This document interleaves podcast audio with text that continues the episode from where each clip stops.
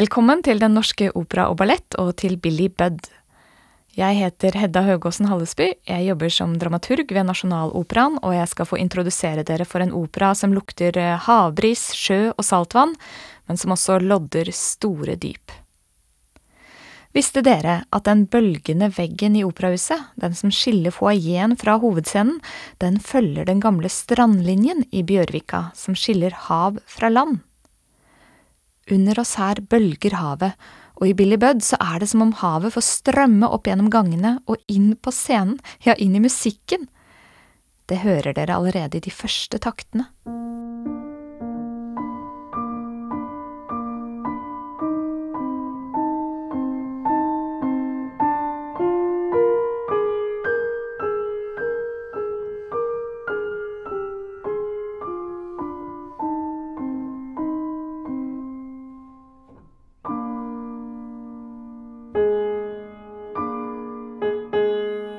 Havet burde stått på rollelista i Billy Budd som et viktig bakteppe for alt som utspiller seg, med sitt enorme, store dyp og sin ro, men også med sine ville og farlige krefter. Operaen er basert på en kortroman av Herman Melville, den amerikanske forfatteren som nok er mest kjent for Moby Dick, der også havet har en hovedrolle. Melville hadde selv vært sjømann, og havet var for han et landskap å tenke i og skrive i, et seascape, der det menneskelige framstår med tydeligere konturer, og der båten på havet blir en miniverden som vi kan speile vår egen i. Da Herman Melville døde i 1891, lå det et ufullført manus på pulten hans med tittelen Billy Budd, An Inside Narrative. Kortromanen var dedisert til Jack Chase, som Melville seilte med fra Honolulu til Boston i 1843 til 44. I likhet med Billy i denne kortromanen jobbet Chase som fokkemæsj på båten i fortroppen, og han gjorde et uutslettelig inntrykk på mannskapet om bord. I romanen flyttet Melville opplevelsen fra sitt eget liv til den britiske flåten på slutten av 1790-tallet. Dette er altså rett etter den franske revolusjon, der er ulmende opprør over hele Europa og folk kjempet for et mer egalitært samfunn, mot overklassen og aristokratiet. Og vi hører i Billy Budd om mytterier ved Spithead og Nor, der britiske marinegaster hadde gjort opprør mot sine skipskapteiner. Mytteriene var spesielt farlige for Storbritannia, siden landet lå i krig med det revolusjonære Frankrike, og styresmaktene var redde for at mytteriene skulle spre seg til et videre opprør, slik det nylig hadde skjedd i Frankrike.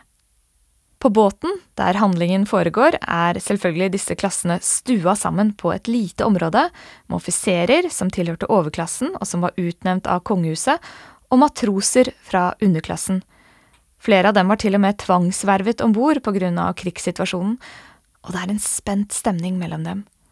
Og rundt dem er det tett tåke, både rent konkret, men også i mer overført betydning, som frykten for opprøret, for kaoset, og for at strukturene, disiplinet og hierarkiet, som man er avhengig av, fungerer som det skal på en båt i en krigssituasjon, at det skal falle sammen.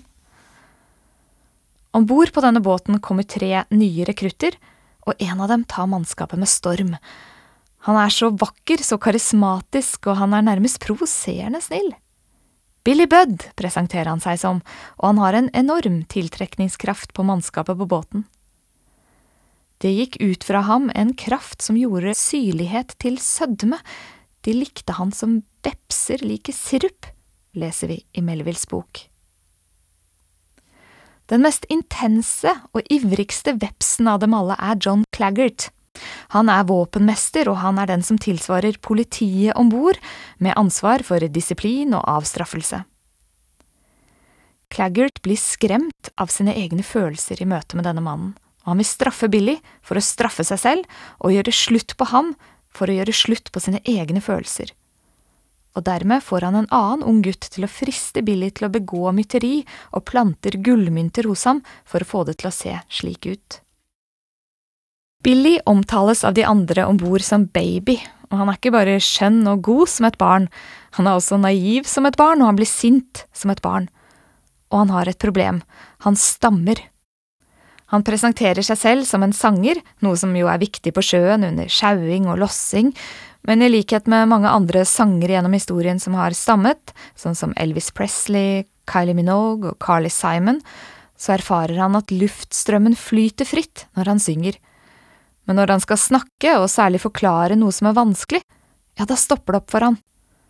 Og det skjer da kapteinen om bord, Edward Fairfax Weir, konfronterer ham med ryktene om at han er en opprører. Billy blir så frustrert at han slår ut med armen og dreper våpenmesteren, og skyld og uskyld bytter plass ved et knyttneveslag. I en krigssituasjon så står krigsbestemmelsene høyere enn de ti bud, og en av disse bestemmelsene sier at dersom du dreper en overordnet, så må du selv dø. Det er ingen vei utenom dette, verken for Billy eller for kapteinen som styrer skuta og som skal rydde opp i dette. Og selv om operaen heter Billy Budd, så er dette egentlig kapteinens historie. Helt i begynnelsen av operaen synger han Much good has been shown me and much evil, and the good has never been perfect. There is always some flaw in it, some defect, some imperfection in the divine image, some fault in the angelic song, some stammer in the divine speech. Ifølge forfatteren Thomas Mann så er Billy Budd den vakreste historien i verden. Men det er samtidig en fortelling som peker på at den store skjønnheten ikke ligger i det perfekte, men i det menneskelige, i det ufullkomne og uavklarte, og i det som ligger mellom oss. Og dette er et område opera har vist seg å være spesielt god til å skildre, fordi vi i opera gjennom musikken gis tilgang til det som er på innsida, det som skjer bakenfor ordene, bak det rasjonelle og avklarte. I Melvilles fortelling hører vi om havbris, brus og sang, men også om stopp og brudd og stillhet, det er nesten som musikk i seg selv og det er som om denne teksten ber om å bli blåst til liv av treblåsere, messing, slagverk, av et stort kor og av den menneskelige stemmen som jo blir til i og av luft. Den som gjorde den jobben, var den britiske komponisten Benjamin Britten. Med Billy Budd skapte han et moderne mesterverk som hadde sin første premiere ved Covent Garden i London i 1951. Det er ikke så mange operaer fra det tyvende århundret som har fått gå inn i den rekken av verker som spilles igjen og igjen ved operahus verden over, men Billy Budd er en av dem. Og det er egentlig utrolig at dette verket ikke har blitt spilt i Norge tidligere, også her ved Operahuset ved havet, da. Vår produksjon er dermed ikke mindre enn en norgespremiere på en operaklassiker, og vi er glade for å kunne gjøre det med topplag av mannlige, norske og internasjonale solister, ja, for det er bare menn på scenen i dette verket, og med vårt operakor, barnekor, Det Norske Solistkor og med maestro Mark Wigglesworth ved dirigentpodiet. Regien er ved vår egen operasjef Annelise Miss Kimmen, som med dette debuterer som regissør ved sitt eget operahus. Med tydelig margin så er Britten den mest spilte operakomponisten født i det tyvende århundre. Totalt skrev han 16 operaer, elleve av dem i årene mellom 1945 og 1954 og dette var en tid der den 300 år gamle sjangeren hadde gått inn i en ny fase. Filmens inntog og to verdenskriger som rystet menneskeheten langt inn i grunnvollene, hadde gitt opera dårlige vekstkår. Britten var komponisten som likevel demonstrerte operaens styrke i sin samtid, med den smerte og paradokser og både filmens fødsel og den andre verdenskrigs enorme skygge farger også hans virke som komponist, og begge deler er sterkt til stede i Billy Budd. Ikke bare er konsekvensen av krig et hovedtema, verket har også et intenst, dramatisk driv. Vi trekkes inn i denne handlingen som i en film. Og dette ble Britten skikkelig god på da han på slutten av 30-tallet var fast ansatt reklamefilmkomponist for General Post Office og skrev musikk som det her.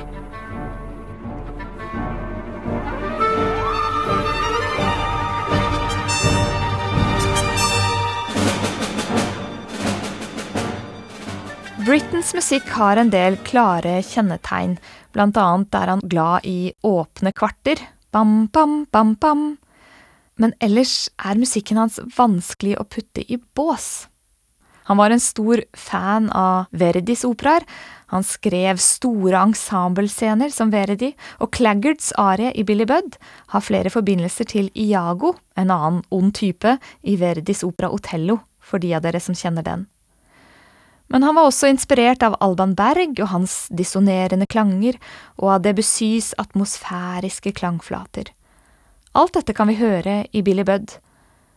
Men Britten skilte ikke mellom populær og klassisk musikk. Han snakket varmt om The Beatles på slutten av sitt liv, og fletter elementer fra musikaler, film, ragtime og jazz inn i operaene sine, noe vi for eksempel hører i denne nydelige saksofonsoloen fra Billy Budd.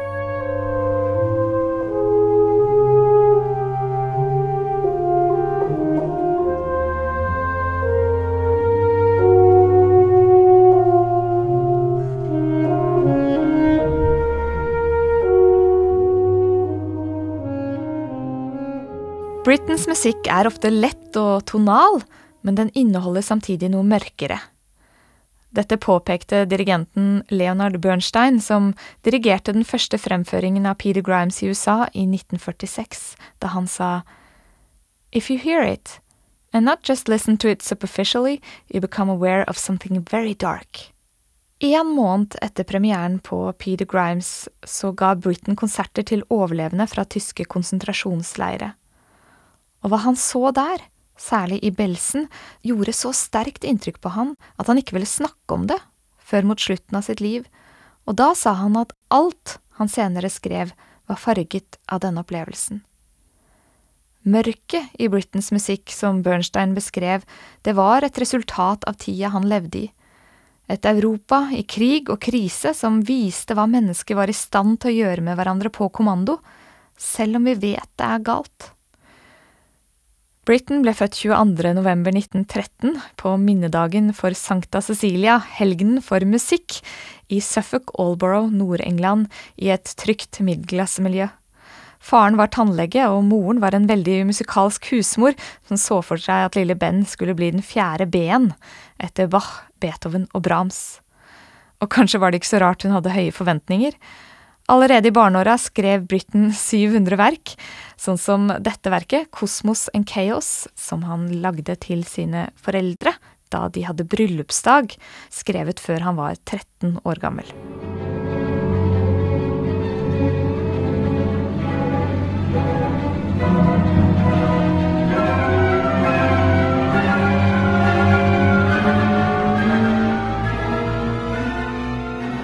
Morens kjærlige intensjoner og alle de gode ytre forutsetningene til tross, Britten vokste opp med en følelse av å være annerledes og utenfor. Og det er først da moren hans dør i 1937 at han begynner å være sammen med folk på sin egen alder eller yngre, og det er også først da han innleder et forhold til en mann, tenoren Peter Pearce. Offentlig var dette bare et vennskap. I England ble homoseksualitet avkriminalisert først i 1967 og i 1954, da han allerede var en verdensberømt komponist, så ble han kalt inn og forhørt om sitt forhold til Pearce ved Scotland Yard i London. For mange framsto disse som to musikere eller ungkarer som holdt sammen og delte bosted med hverandre. Men de to ble til ett liv, og på mange måter ett kunstnerskap. It isn't the story of one man, it is the life of the two of us, poengterte Britten overfor biografen sin. Og da Britten og Peter Pears blir et par, så innledes også et av de viktigste musikalske partnerskapene i hele 1900-tallet. En lang rekke av operarollene hans, inkludert Captain Bear i Billy Budd, er skrevet for Pears. Pears ble Brittens store inspirasjonskilde som lærte han å skrive nært og godt for den menneskelige stemmen, her hører vi de to sammen i utdrag fra Michelangelo-sonettene.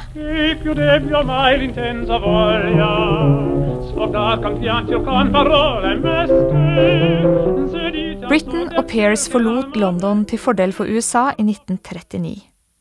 Reklamefilmkomponisten Britain tenkte han hadde bedre muligheter i den nye verden, og han hadde både Broadway og Hollywood i tankene, og pasifisten Britain likte seg heller ikke det Europa han så utvikle seg.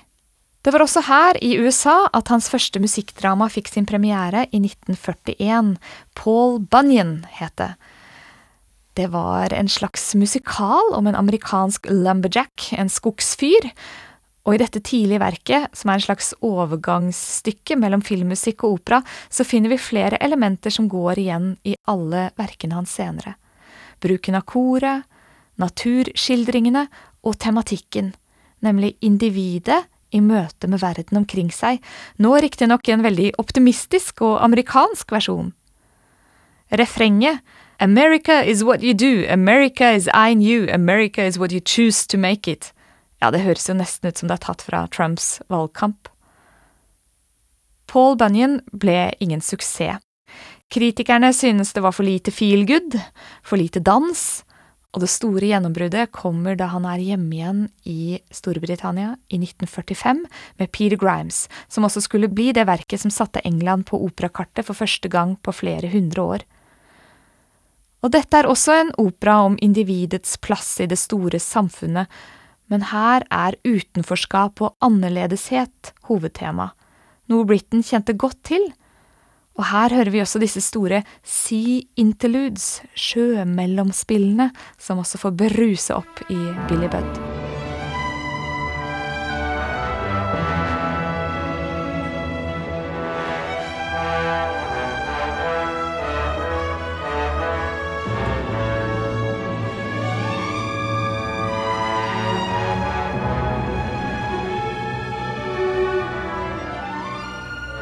Regien på Peter Grimes var ved Eric Crozier. Han skrev flere libretto for Britons operaer, inkludert Billy Budd. Men denne operaen var faktisk et resultat av et tett samarbeid mellom tre. Bak librettoen står også forfatteren E.M. Forster, som Britain først møtte i USA i 1937, og som annet har skrevet bøker som A Room With A View og Howard's End. De tre jobbet sammen over intense uker i Britons hjem i Aldborough, hvor briten insisterte på sine faste turer langs sjøen hver dag etter lunsj før de kunne ta fatt på arbeidet igjen. Sammen tok disse tre Melvilles fortelling og gjorde den til sin. Vi har tatt Britons operaer og gjort den til vår i denne helt nye produksjonen. Sammen med scenograf og kostymedesigner Anne-Marie Woods har Annelise flyttet handlingen fra et skip i 1797 til en britisk ubåt i 1940, altså Britens egen tid. I disse dager har akkurat den konteksten blitt reaktualisert med serien Das Båt på NRK, som bygger på filmklassikeren fra 1981. Vi gjenskaper også denne konteksten når våre verksteder, med ingeniører, konstruktører, metallarbeidere og møbelsnekkere, over måneder har skapt en ubåt som er 14 meter lang og 6,5 meter høy. Der skjer alt inne i det samme rommet, her stues mannskapet sammen med kanonene, her spiser de, sover de og slåss. Ubåten framhever det innestengte, det avgrensa lille samfunnet på det store havet. Samtidig er jo ubåten som en trykkoker. Og hva skjer når man legger lokk på noe og undertrykker sine egne følelser? Jo, de vil tvinge seg opp igjen, komme til overflaten, og det er det som Captain Bear erfarer. Når operaen åpner, så møter vi han som en gammel mann på et hjem for pensjonerte sjømenn. Han minnes tilbake på det han opplevde på sjøen, og minnene invaderer ham, og vi tas med inn i dem.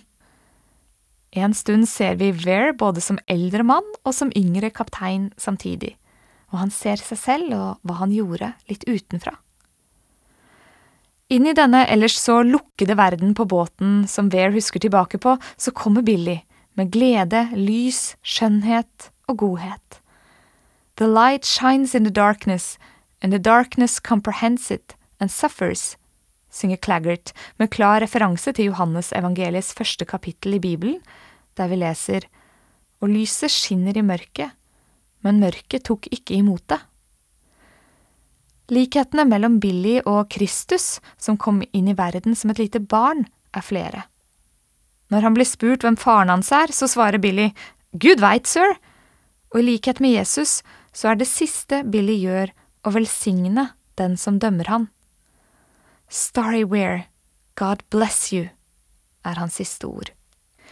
Det er Claggart, våpenmesteren, som presenteres som Billys rake motsetning, som den mørke og onde, og dette hører vi også tydelig i musikken, der Claggart følges av dyp og grov messing.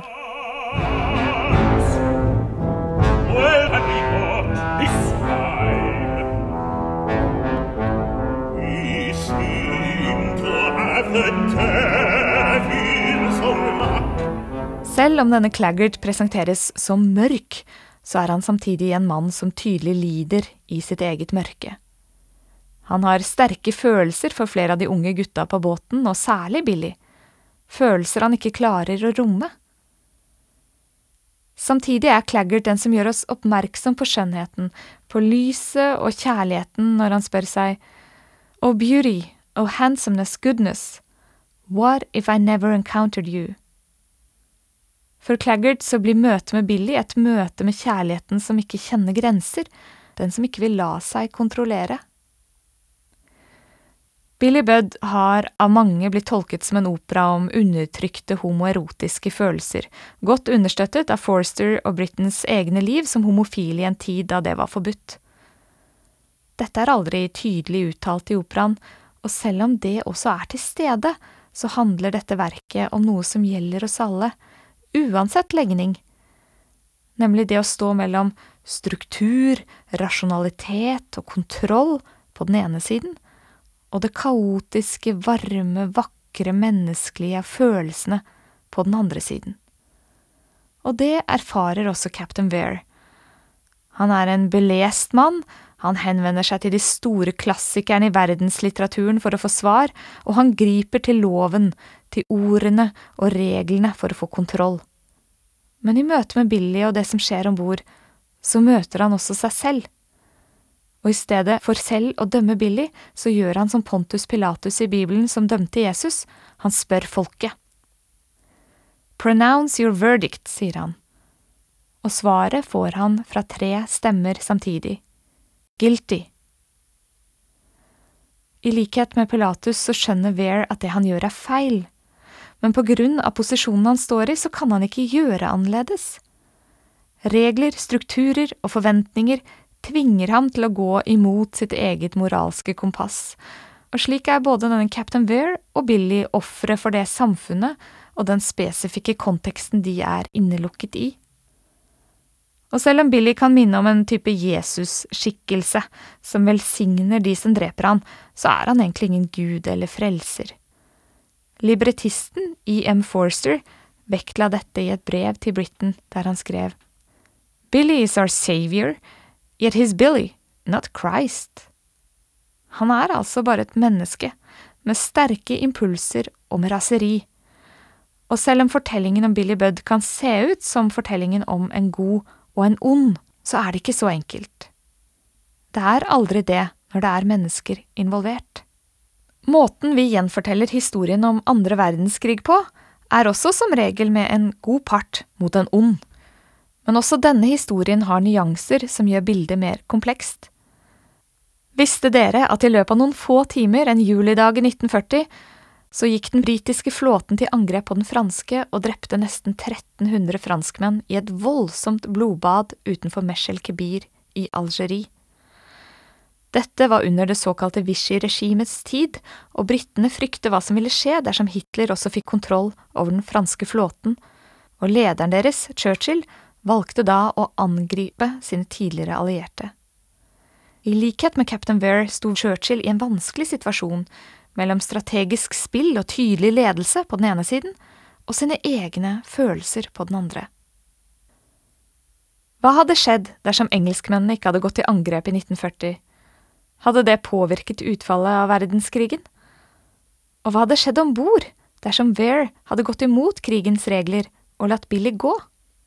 Dagen etter angrepet i 1940, da Churchill skulle redegjøre for det i Underhuset, så sa han at han overlot berettigelsen av det til historien. Parlamentsmedlemmene jublet da Churchill satte seg rolig ned etter talen sin, mens tårene strømmet nedover kinnene hans. Moralske dilemmaer har ikke én god løsning, de har flere problematiske. Og både for Vere og for Churchill så kom den avgjørelsen de tok som ledere med en stor personlig kostnad. Selv om Billy Budd kommer med lys i mørket og velsigner dem som dreper han, så er det ikke sikkert at dette er en frelseshistorie. I Melvilles tekst så dør Vere til slutt og får ro på denne måten, og Billy Budd er det siste han sier før han ånder ut. Men slik ender ikke operaen.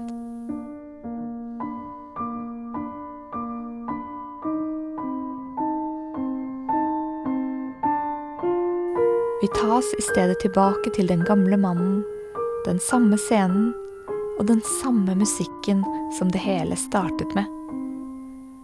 Det kan virke som om det hele starter opp igjen, som en uendelig historie den gamle kapteinen ikke slippes fri fra.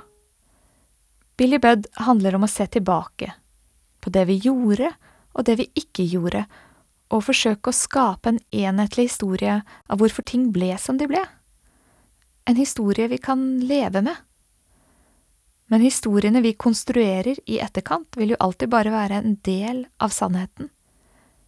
I Melvilles roman om Billy Budd leser vi sitat En fortelling som ikke pynter på sannheten, vil alltid ha sine ujevne kanter. Sitat slutt.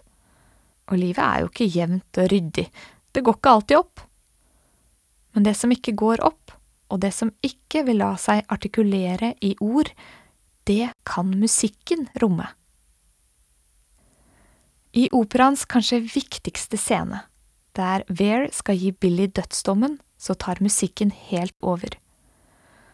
Ordene forsvinner og erstattes med 34 akkorder som spilles rolig etter hverandre, som en dialog uten ord og uten melodi.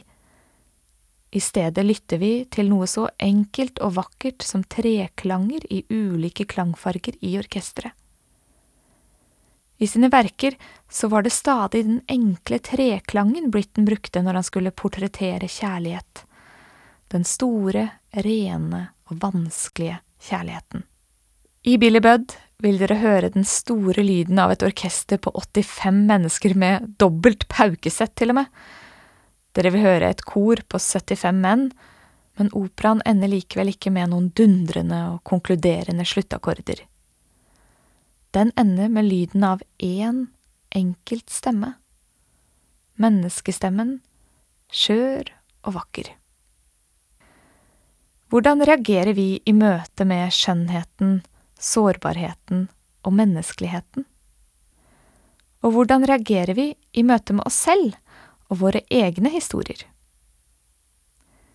Britons operaer gir oss ikke svaret på disse spørsmålene, men Billy Budd lar oss ikke gå ut av operahuset uten å ha stilt dem.